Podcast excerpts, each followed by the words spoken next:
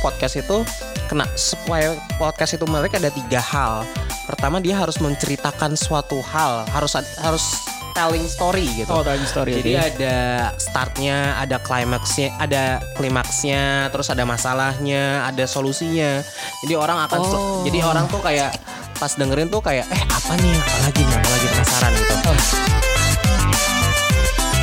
dasarnya konten audio itu tuh lebih intim dibandingkan konten-konten lain. Misalnya lebih intim tuh kayak eh, lo bisa jauh kedekatan lo bisa jauh lebih personal dibandingin dengan audio eh dibanding dengan video atau misalnya grafis gitu Hmm. karena si konten ini bener-bener menyuarakan perpandangan perasaan dan kalau